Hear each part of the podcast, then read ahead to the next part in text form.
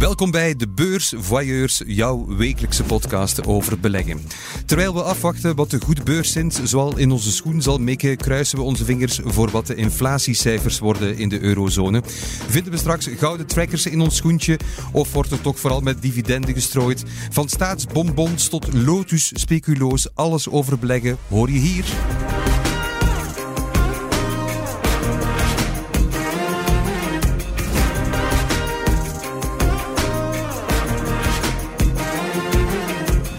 Welkom dus bij de Beurs Voyeurs. De Beurs Voyeurs ben ik, god beter, niet alleen. Uh, ik heb hier het fijne gezelschap van Elle Vermorgen van De Tijd en Geert Smet van De Belegger. Dag allebei. Goedemiddag. Welkom. Uh, volop met de beursrally bezig, mag ik hopen, Geert? Uh... Ja, zeker. Ik heb al een heel aantal aankopen gedaan. Goed. Um, ik sta alvast nog positief, dus dat is... Uh, dat is al dat, hè, Geert. Ja, ik ook nog voorlopig, maar we zijn maar vijf dagen bezig. En Thomas, belangrijk, heb jij u ingeschreven? Nee, ik durf dat nog niet. Dat is echt gênant. Ze biedt eerste werk. Ik, ik ben altijd aan, aan, aan het vastlopen op, op, uh, op alleen al een, een schuilnaam. Ik weet niet, wat is jouw nickname? Onder welke naam doe jij mee? Oei, moet ik dat hier zo oud, uh, ja, oud in die open is daarom dat ik ja, vraag. El, El Vermo, dat is mijn, dat is mijn Twitter-handle ook. Dus El, El Vermo. Oké. Okay. Zo kennen ze mij hier op de, op de redactie. Ja, kijk, El Vermo. Ja. ja, kijk, niet meer weg. Had, nee, had dus nog niemand dat ver, vermoed dat jij dat was? Want ik vind het nu ook niet zo heel Het is ook niet zo uh, spitsvondig of zo. Hè. Nee, maar uh, gewone samentrekking. Oké, okay, Geert, voor jou dezelfde vraag. Wel, uh, mijn naam is Bijtjes Rally en dat is... ah ja, voilà van de bijtjes natuurlijk. Het was de bijzen. Je bent uh, als hobby dus... Uh, een, hoe noem je dat? Een, een bijen... Uh, een imker, dat was het. Ja. Ik, ik, ging even bijenmelker zeggen. Ik weet niet precies bijen. hoe ik daarbij gekomen was. Dat lijkt me niet fraai om dat bij bijen te proberen. Om okay, te zeker als je... Ja, nee. Goed. Hebben jullie trouwens een gouden tip voor iemand die zich voor de allereerste keer aan de beursrally waagt? Ja, heel eenvoudig. De, de quizvragen oplossen. Dat vind ik altijd een belangrijke tip. Ja. is dus elke dag een nieuwe quizvraag. En daarmee kan je 100 euro per vraag uh, verdienen. Dus zelfs als je portefeuille het laat afweten, heb je nog een mooie buffer door gewoon je kennis uh, te etaleren. Of stiekem te gaan googlen of op de tijd.be rond te struinen naar het juiste antwoord als je het. Uh, Interessant. Ja. ja. goed. Dat is voor een vriend hoor dat ik het vraag. Onze tafel is natuurlijk altijd in balans hier bij de beurs Voyeurs. Zo hebben we ook weer een boeiende gast. Een ex-voetballer die van het veld naar de andere kant van de linie is gestapt. Na de studies uh, TEW en rechten is hij voetbalmakelaar geworden. Stijn Francis, welkom. Dank u. Stijn, hoe gaat het met jou? Alles in orde. Het is een rustige periode voor ons. Dus... Is het waar? Ja, ja uiteraard. Het is uh, nu uh, even bekomen. Dus had je ook tijd om hier te zijn? Klopt, Waar, waarvoor heel veel dank. Stijn, jouw bijnaam is de Bos, als we Wikipedia mogen geloven wel te verstaan. Waar heb je dat aan verdiend? Nooit Wikipedia geloven. ik, dacht het wel. ik dacht dat dat Bruce Springsteen was, de bos. Er is nog een Dat ook wel, ja. Dat is zeker wel zo. Maar er is nog nooit van gehoord? Dat, ja, ja, de... Helaas wel. Dat is ooit uh, in tempo overreisde. Toen ik al op het einde van mijn carrière zat, uh, vertrok ik normaal gezien om in Amerika te studeren. En toen heeft een of andere journalist dat opgerakeld omdat ik kapitein was van de ploeg. Maar dat is dus niet... Oké, okay, dan mogen we gewoon... Dan moet iemand eens van Wikipedia halen dan. Geen probleem. Nu ben je voetbalmakelaar. Stijn, wat moet ik me daarbij voorstellen? Hoe ziet de dag van een voetbalmakelaar eruit, doorgaans? Wel, uh, minder sexy dan wat de meeste mensen denken. De meeste mensen denken dat ik de hele dag bel en onderhandel. En, en dat is eigenlijk niet zo. Uh, nu is het vooral de periode van clubs contacteren, langsgaan, uh, spelers voorstellen, um, zaken voor spelers oplossen, oplossen, verzekeringen, fiscaliteit. Dus er komt eigenlijk wel meer bij kijken dan het zuiver onderhandelen. Ik denk mm -hmm. dat zuiver onderhandelen is wat de mensen denken dat ik de hele tijd doe, maar eigenlijk is dat maar 5 of 10 procent van mijn, mijn job. En voor de rest is het vooral ontzorgen van spelers en contacten leggen en informatie verzamelen die, die nuttig kan zijn voor hun. Is, is dat echte onderhandelen nietgene waar je het echt voor doet? Het leukste is als de onderhandeling lukt. Uh, Uiteraard. Er zijn er ook heel veel die mislukken. Uh, dus, dus het is soms echt. Uh, het is, het is, tijdens die transferperiode ga je echt van de diepe dalen naar de, de, de, de, de hoogste toppen. En, en die hoogste toppen, dat is dan wel de kick. Um, zeker als het door die combinatie van die diepe dalen. Dus uh, het is als het iets afgerond wordt dat heel moeilijk is en waar je op een bepaald moment niet meer in gelooft, als het dan toch lukt. Ja. Dat zijn eigenlijk de, de fijne momenten. Lijkt me ook heel stressy. Hoe ga je daarmee om? Heb, heb je daar veel stress van? Je geeft dingen uit handen die, ja, die niet altijd in je controle vallen. Gaat een, nog een bot verhogen of niet? Daar hangt hmm. dikwijls vanaf. En dan kan je wel heel kwaad maken en heel emotioneel worden, maar dat is niet altijd uh, in je eigen handen, dus dat is, dat is wel lastig. Ja. En wat is je lucratiefste deal of je mooiste transfer? ik denk dat de, de grootste transfersom was van de zomer met Louis Openda. Dus dat, dat denk ik, dat gaat boven de 40 miljoen euro gaan. dus dat is de grootste die we al gedaan hebben. Wie, wie zit er al in jouw portefeuille of, of stal, of hoe moet je dat noemen? portefeuille. Oké. Okay. Uh, ik denk de bekendste Dries Mertens, Toby Alderwereld, Louise ja. Sambi Lokonga, uh, Cyril Dessers, uh, Bart Verbrugge. Dat zijn wat de bekendste, denk ik. Stel je nog iets anders wat ik me afvraag als voetbalmakelaar? Ja, dan goochel je met gigantische bedragen bij momenten. Als je aan het onderhandelen bent, dat hoort erbij. het is vaak erop of eronder. Is dat iets wat jij ook doortrekt als belegger? Ga je daar ook ja, ik weet niet, beleg jij privé of doe je dat met je managementvernootschap? We doen dat via de eh, managementvernootschap. Ja. Uh, maar ga, ga, je daar ook zo, is dat, is dat, durf je daar ook diezelfde, ja, hoe moet ik noemen, rock en roll in, in, toe te passen? Eigenlijk tegenovergesteld. Ik denk, uh, omdat het, de, de sector waarin we zitten is al vrij risicovol om ons geld te verdienen. En dat kan één goed jaar, één slecht jaar zijn. Dus ik denk dat al de rest dat we daar buiten doen en voor de toekomst proberen op te bouwen net vrij risico, ah, risicoloos bestaan niet, maar dat ik niet, doe geen gekke dingen. Ook al denk ik soms wel, ik zou wat dynamischer mogen zijn, maar ik ben eigenlijk vrij saai als het op uh, investeren aankomt. En, uh, dus dat is zeker niet, uh, nee, ik ga zeker niet daar de, de, de, de rand opzoeken, uh, omdat ik denk dat we al genoeg de rand opzoeken in de business die we doen. Stijn, fijn om je al beter te leren kennen. We zouden hier nog lang mee kunnen doorgaan, maar we gaan tot de orde van de dag moeten overgaan. Hè. We gaan het over het nieuws van de voorbije week hebben. De beursblik. De dagen worden korter, maar de beurs verlicht ons des te meer met spektakel. Dag in, dag uit is dat Ellen wat heb je meegebracht voor ons? Ja, een beetje een, een triest uh, nieuwtje toch. Hè. We, hebben het over voetbal, maar in onze eigen Bel 20 uh, Liga is onze grote stel, sterspeler uh, ten val gekomen dinsdag. Hè. Argenix, hè, onze GOAT, zeg maar, in de Belgische biotech. The greatest of all time in ja, het biotech-spectrum in, in Brussel.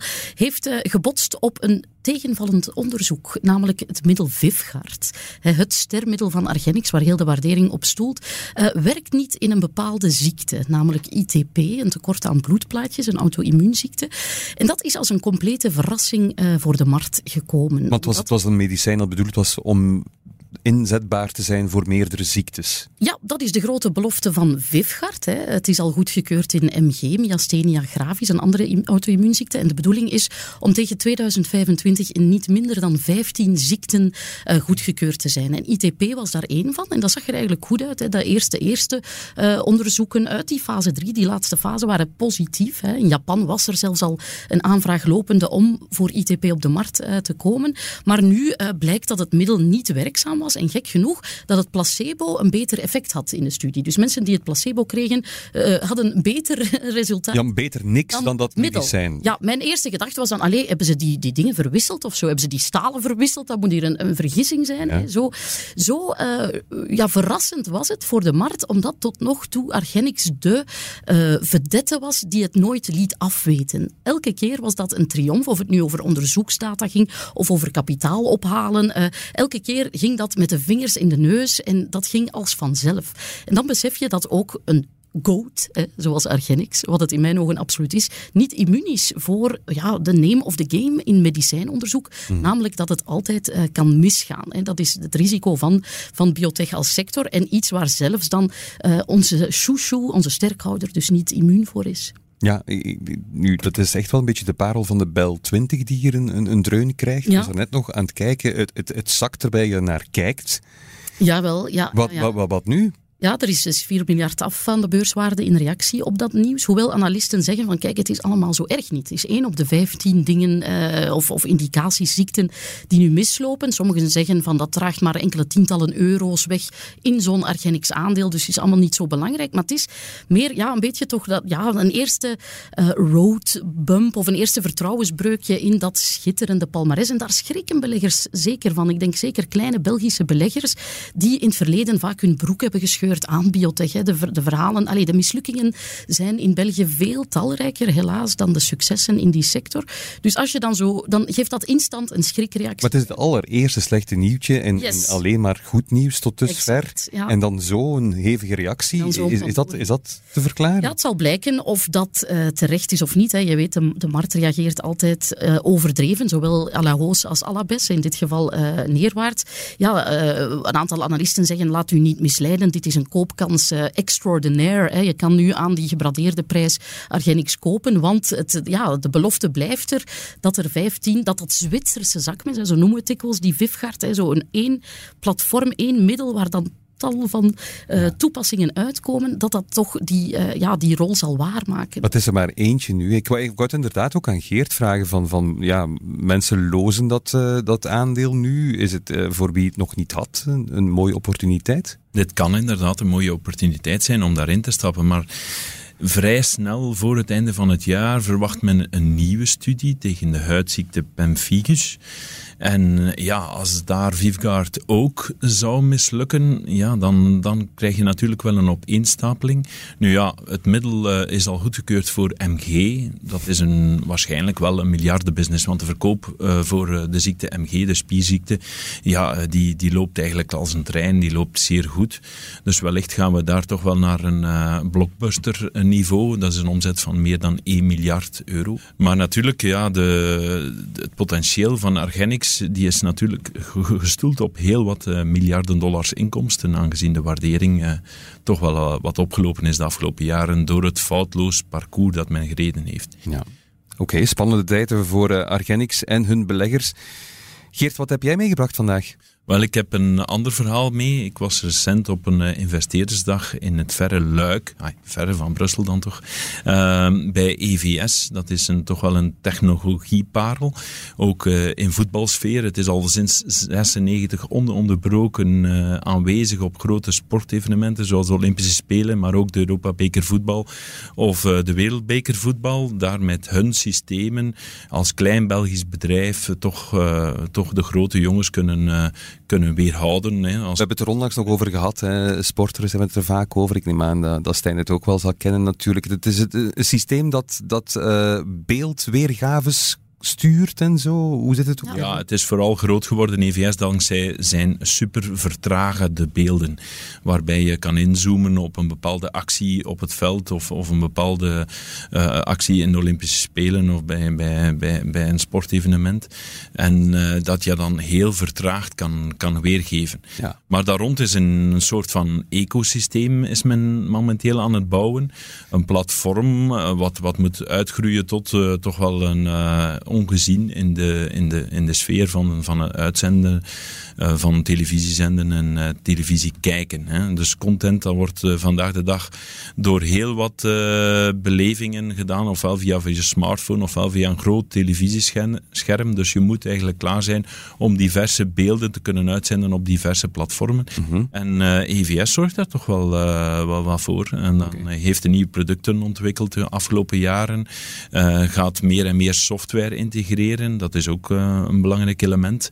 Waar we vroeger alleen hardware, hè, het toestel stond daar, de server stond daarbij en, en ja, je, je kon maar uh, gaan bedienen.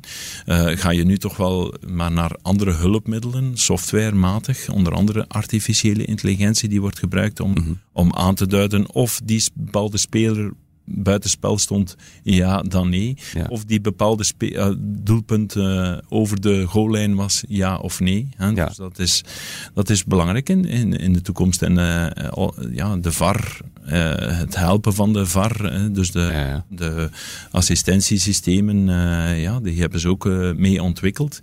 En ze, ja, zij gaan daar voor de FIFA bijvoorbeeld en de UEFA ja, alle, allerlei scheidsrechtelijke beslissingen kunnen meehelpen, uh, meehelpen nemen.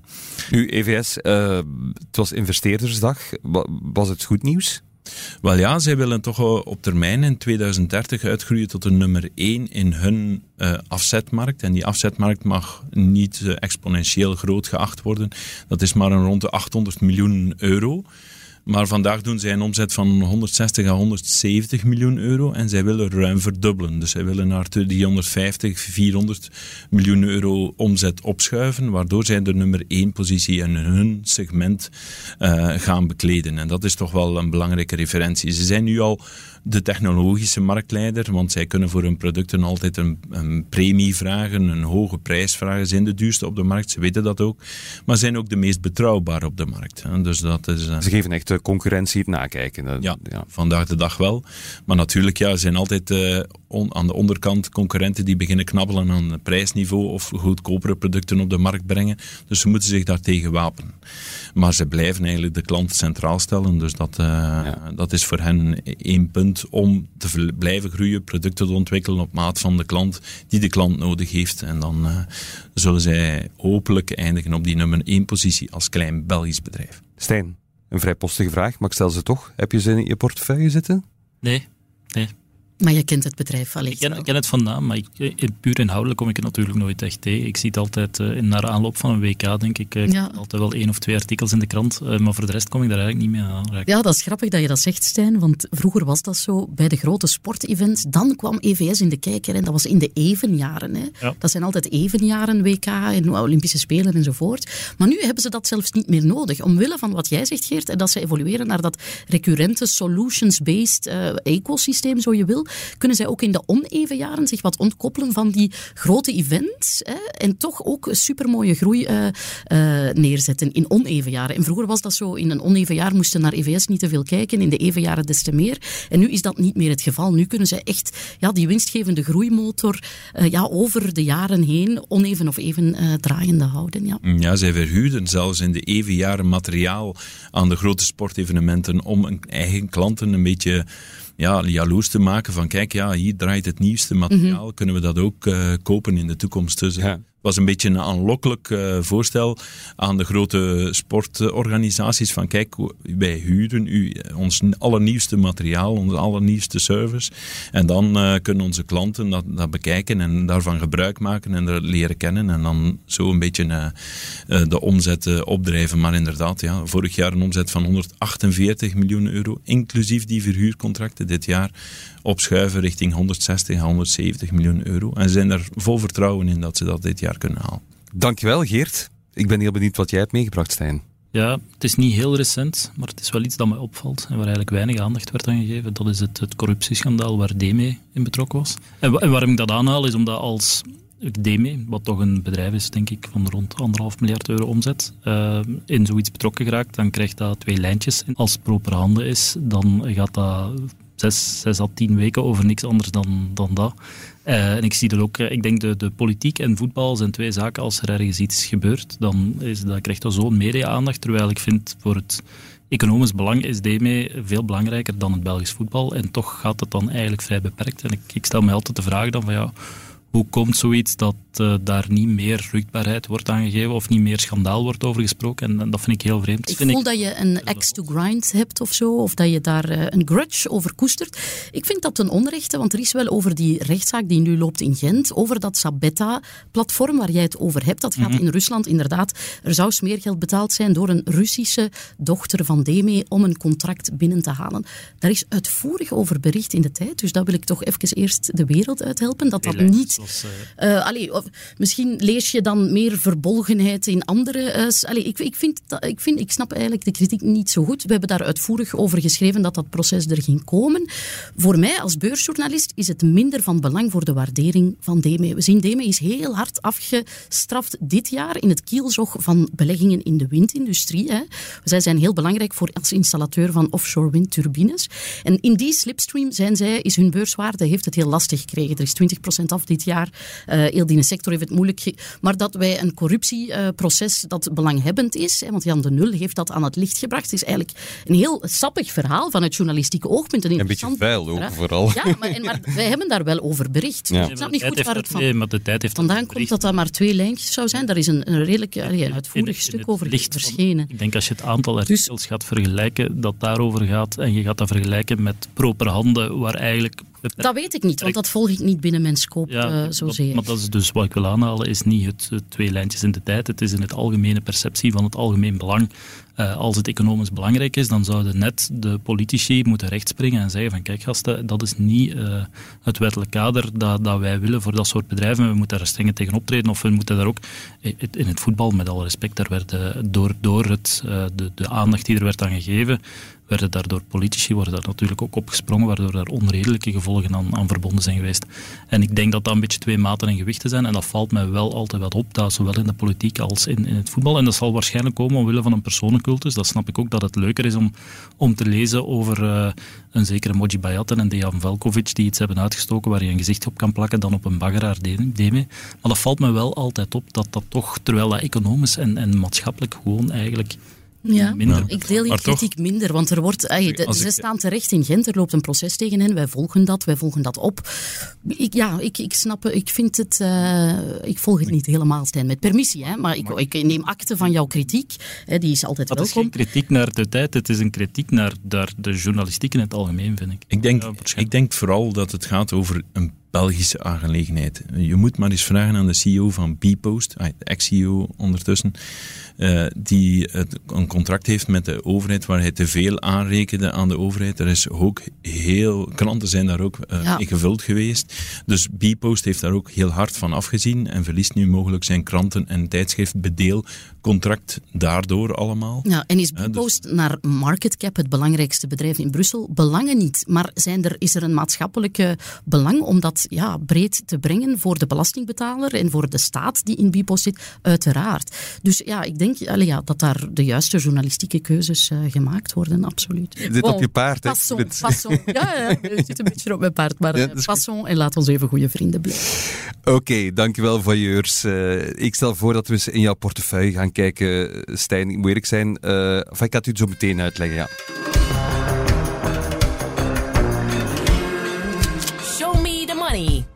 Zo'n een loveback ben ik dan wel dat ik daar een, een vragencomputer voor heb eigenlijk laten ontwikkelen. Dat is Wanda. Buffett heet ze maar met haar achternaam. Dat is de vragencomputer van de tijd. Eh, daar zitten twintig vragen in verstopt. En het is heel eenvoudig. Je roept gewoon een cijfer van 1 tot en met 20 en dan komt er vraag uit Wanda en dan ben ik het niet die ze gesteld heeft. Zeg maar een cijfer. 13. Wat was je slechtste belegging? Dat is al meteen een vrolijke vraag, waarop we het antwoord dadelijk horen na dit. Voetbalmakelaar Stijn Francis is de gast bij ons vandaag en we zijn net bij de eerste vraag van Wanda aangekomen en die luidt als volgt. Wat is jouw slechtste belegging, Stijn? Mijn slechtste belegging procentueel zal Fortis geweest zijn in, uh, toen ik nog uh, net na mijn studies uh, eigenlijk daar alles kwijt, of quasi alles kwijt ben gespeeld. dat ging niet over heel veel geld in absolute termen, omdat ik niet veel geld had. Maar dat was toch wel veruit uh, niet, niet heel goed. Dat moet dan wel een zure opdoffer geweest zijn, want je hebt dan niet veel en als het dan weg is, dan voel je het ook wel. ja. dat was een hele opdoffer, want ik, eh, ik, herinner me dat ik dan die Bingbank-rekening had en dat dat tien jaar geduurd heeft of zo. En dan heb ik die na tien jaar afgesloten en er is eigenlijk nooit nog iets mee gebeurd. Ja. Dan kreeg ik daar elk jaar een mailtje voor. En, uh, ja, dus dat was toch wel... Het heeft lang geduurd voordat ik terug het, het lef heb gehad om er terug mee te beginnen. Ja, zuurtje. Voor velen. Helaas niet dat dat de pijn verzacht natuurlijk. Nog een cijfertje, Stijn? Uh, zes. Heb je ooit al ruzie gehad met jouw partner over beleggen? Nee, zij is veel kalmer dan mij. veel, veel rationeler. Uh, ik, ben, ik ben iemand nogal een doemdenker. Als het naar beneden gaat, dan uh, zeg ik, goh, we hadden dat nooit mogen doen. Maar zij kijkt echt op de lange termijn en zij is echt wel uh, rationeler. En, en, ik denk dat dat wel goed is dat er iemand rationeel ook bij zit die zegt gewoon... Zij kijkt daar zelfs niet naar. Terwijl ik echt dagelijks op die app ga kijken en uh, in mijn emoties op en af gaan. Maar kan ze jou dan sussen ook? Van kom Stijn, allez, want jij kijkt dan toch nog eens op je scherm en dan ben je nog altijd even nerveus als ervoor. Ja, maar het is wel goed dat er iemand is die daar toch ook mee over beslist, die gewoon eigenlijk daar rustig in blijft en dan zelfs zich nee, eigenlijk zelfs geen aandacht meer aan geeft als ik daarover klaag. Dus dat is misschien wel gezond. Dus. Ja. Maar ze is op zich wel betrokken bij de, bij de keuzes die Ja, zeker en vast. Ja, dat is op zich al heel fijn, dat het, geen, dat het eh, een, gezamenlijke arbeid is. Nee, want dan zou het ook minder leuk zijn, denk ik, als het echt volledig mijn verantwoordelijkheid zou zijn. Dat is een gezamenlijke beslissing en dan is het wel goed dat er iemand op de lange termijn kijkt. Absoluut. Oké, nog een cijfertje? Uh, twee. Waar heb je het beste rendement uit gehaald? Oh.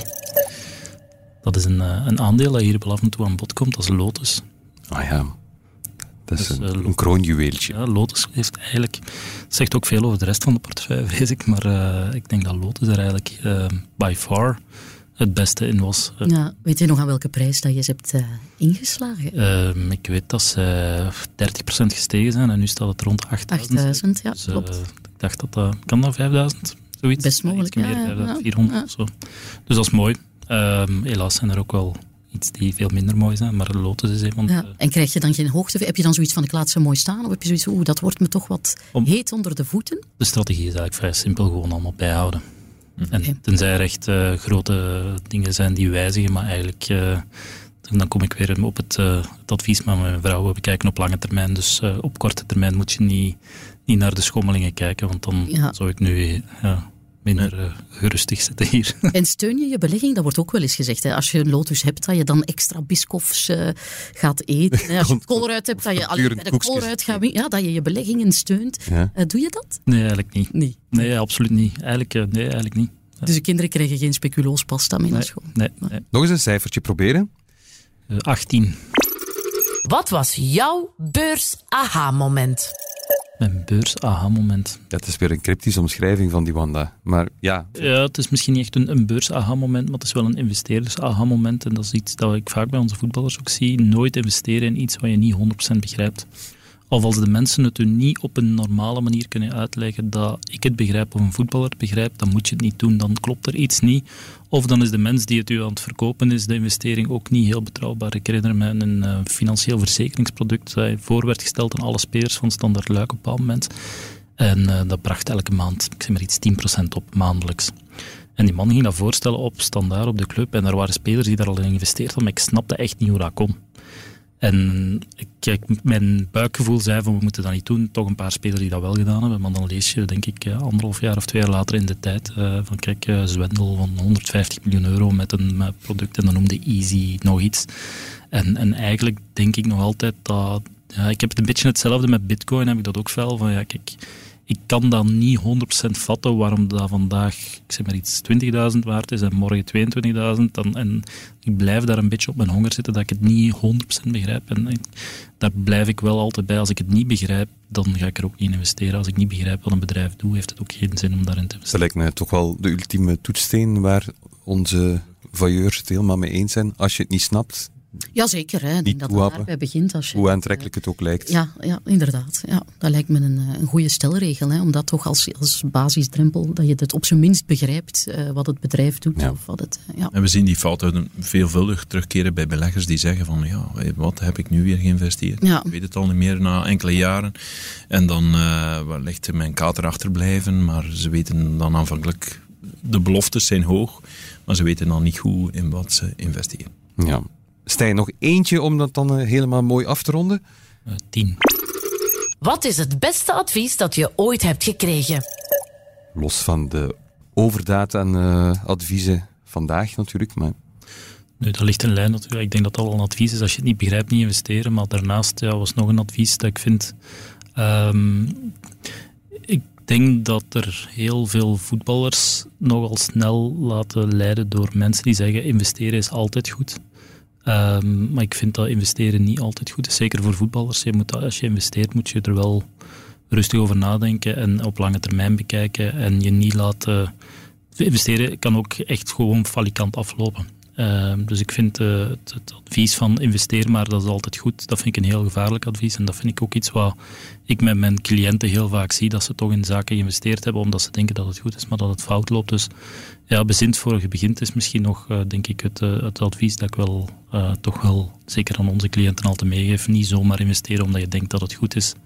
Je moet ook wel zien dat het, dat het voor een zeer volatiele carrière, een voetbalcarrière, is dat het toch op termijn ook nog goed is. Mm-hmm. Ja, ja, ja, inderdaad. En dat hangt er dan vanaf wat je als investering bestempelt. Hè. Ik denk als je de zoveelste Ferrari of, of luxewagen is misschien uh, ja, minder zeker uh, in waarde behoudt dan dat je gespreid over de tijd via trackers of zo uh, ja, je, je, zou opbouwen. Maar het is wat jij zegt, Stijn, de carrière is dermate kort dat het mens inziens toch zaak is om dat geld ook te laten werken voor de jaren die komen wanneer je niet meer die dikke pre hebt. Hè. Je hoort dat vaak. Een aantal andere gasten die we te gast hadden, die die zeiden van veel voetballers die hun vermogen volledig kwijtspelen in hun non-actieve jaren. Dat zijn er nog heel veel, aangezien ze op jonge leeftijd al niet meer als prof bezig zijn. Dus tijdens je, je heyday, je geld laten werken voor je niet-heyday, lijkt me juist heel slim, maar dan op de juiste manier. Oké, dankjewel Stijn. Het was heel boeiend. Dank je om ons te laten meegluren. Dan gaan dus iemand helpen. Het is tijd om de telefoon op te nemen, want er hangt iemand aan de lijn. Hulplijn. Ja, de beursvailleurs zijn natuurlijk empathisch en altijd bereid om te helpen op alle mogelijke manieren. Zeker als het over een luisteraar gaat met een vraag die uh, ja, over de beurs gaat. Dat is wel een voorwaarde. Vandaag is het Jonathan. Dag Jonathan. Dag beursvailleurs. Hey, dag Jonathan. Wat is jouw vraag? Mijn vraag uh, relateert aan het volgende. Uh, als trouwe luisteraar van de allereerste minuut heb ik eindelijk besloten om een vraag la Wanda in te dienen bij de hulplijn. Um, een tweetal jaar geleden ben ik, heb ik besloten om in de wonderwereld van de beurs te stappen. En bij mijn eerste beleggingen bleek dat ik voornamelijk opteerde voor Belgische aandelen.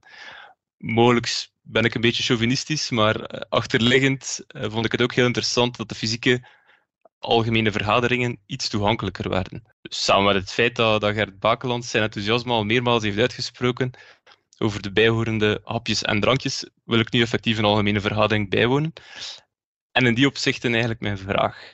Wat zijn volgens jullie enkele kritische en interessante vragen om face-to-face te stellen aan bestuursleden, waardoor ze al dan niet warm en zelfs een beetje ongemakkelijk, uh, het zelfs een beetje ongemakkelijk krijgen, en dan direct een bijkomende vraag. Zijn er specifieke Belgische algemene vergaderingen die jullie als professionals zeker zouden aanraden om bij te wonen? Oké, okay, want dan is een, dat is een heel, heel goede vraag. Als je naar een uh, algemene vergadering gaat, wat zijn goede vragen om daar dan te stellen? Wat denk jij, Geert? Dat is natuurlijk uh, allemaal bedrijfsspecifiek, hè, uh, in, per individueel bedrijf. Maar je kan bijvoorbeeld aan het management uh, de strategie van het betrokken bedrijf vragen en, en dat ook gaan toetsen aan de realiteit. Dan met cijfers en ook met doelen. En als er grote investeringsplannen zijn, is het altijd belangrijk te weten hoe ze die gaan financieren. In het geval van bijvoorbeeld uh, Xior, waar het management uh, een beetje aan grootheidswaanzin leed de afgelopen jaren. Ongebreidelde groei, dankzij de lage renteomgeving. Maar natuurlijk, ja, nu de rente plots hoog staat, is er een, stopzetting van die groei. Dan moet je toch correct proberen, proberen inschatten. dus balansmatig moet, een, bedrijf goed zijn. En als, waar je tussen pot en pint wel eens over kan uh, babbelen met de, met de bedrijfsleiders, is de evolutie van de concurrentie. Ze gaan daar natuurlijk nooit niet uh, in, in grote getalen op de algemene vergadering voor een heel aantal aandeelhouders gaan zeggen. Maar tussen pot en pint krijg je toch wel wat los. Uh, hoe evolueert de concurrentie? Hoe positioneert het betrokken bedrijf zich versus, versus de concurrentie?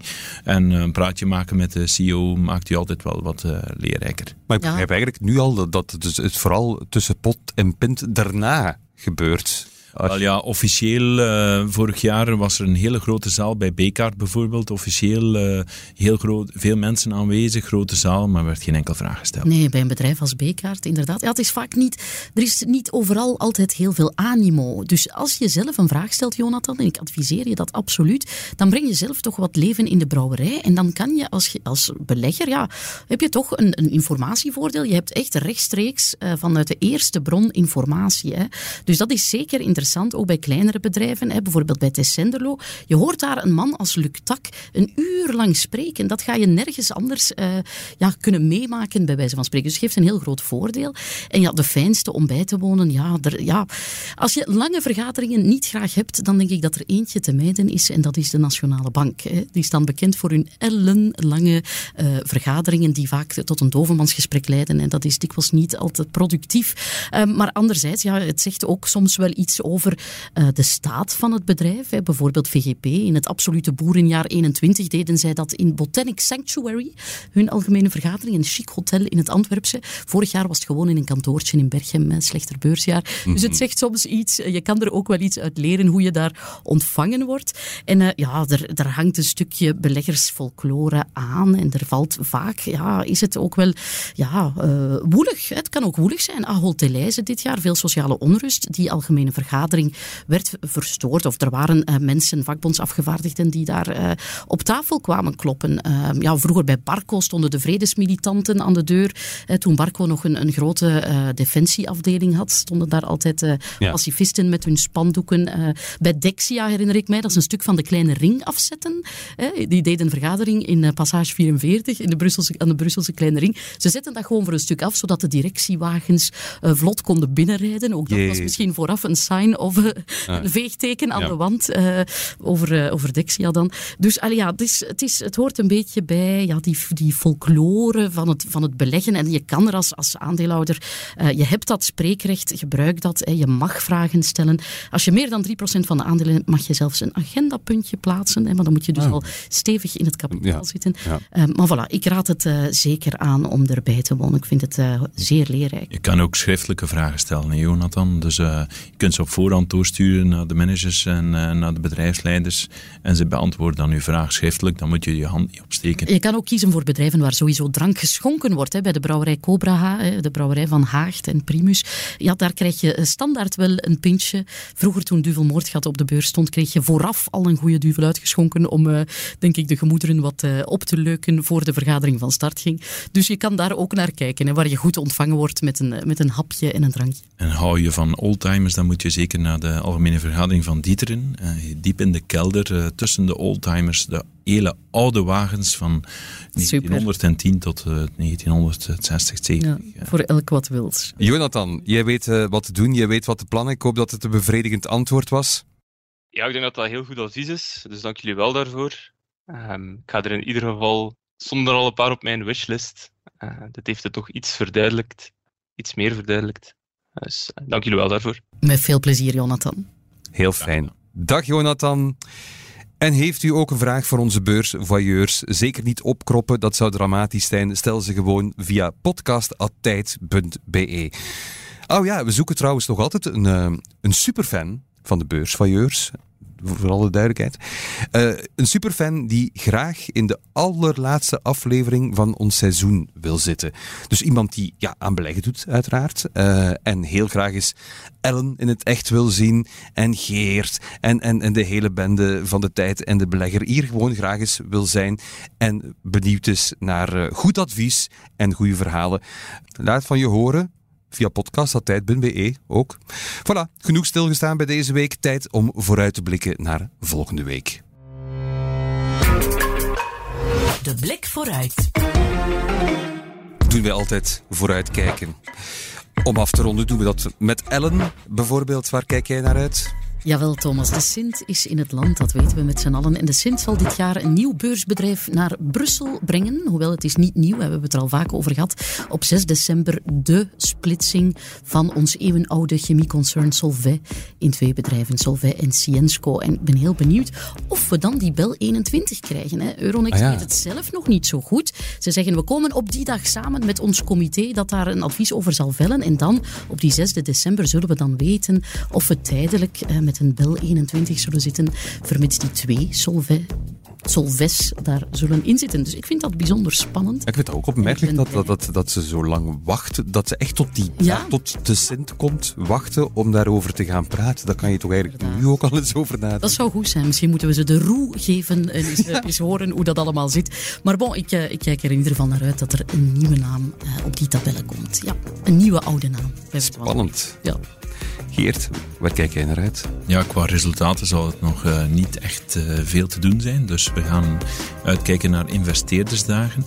Er komt een Franse holding met een investeerdersdag, Raseo, ja. die enkel actief is op private equity. En dan wil ik toch wel eens weten hoe die waarde van die private equity de jongste maanden uh, is geschommeld.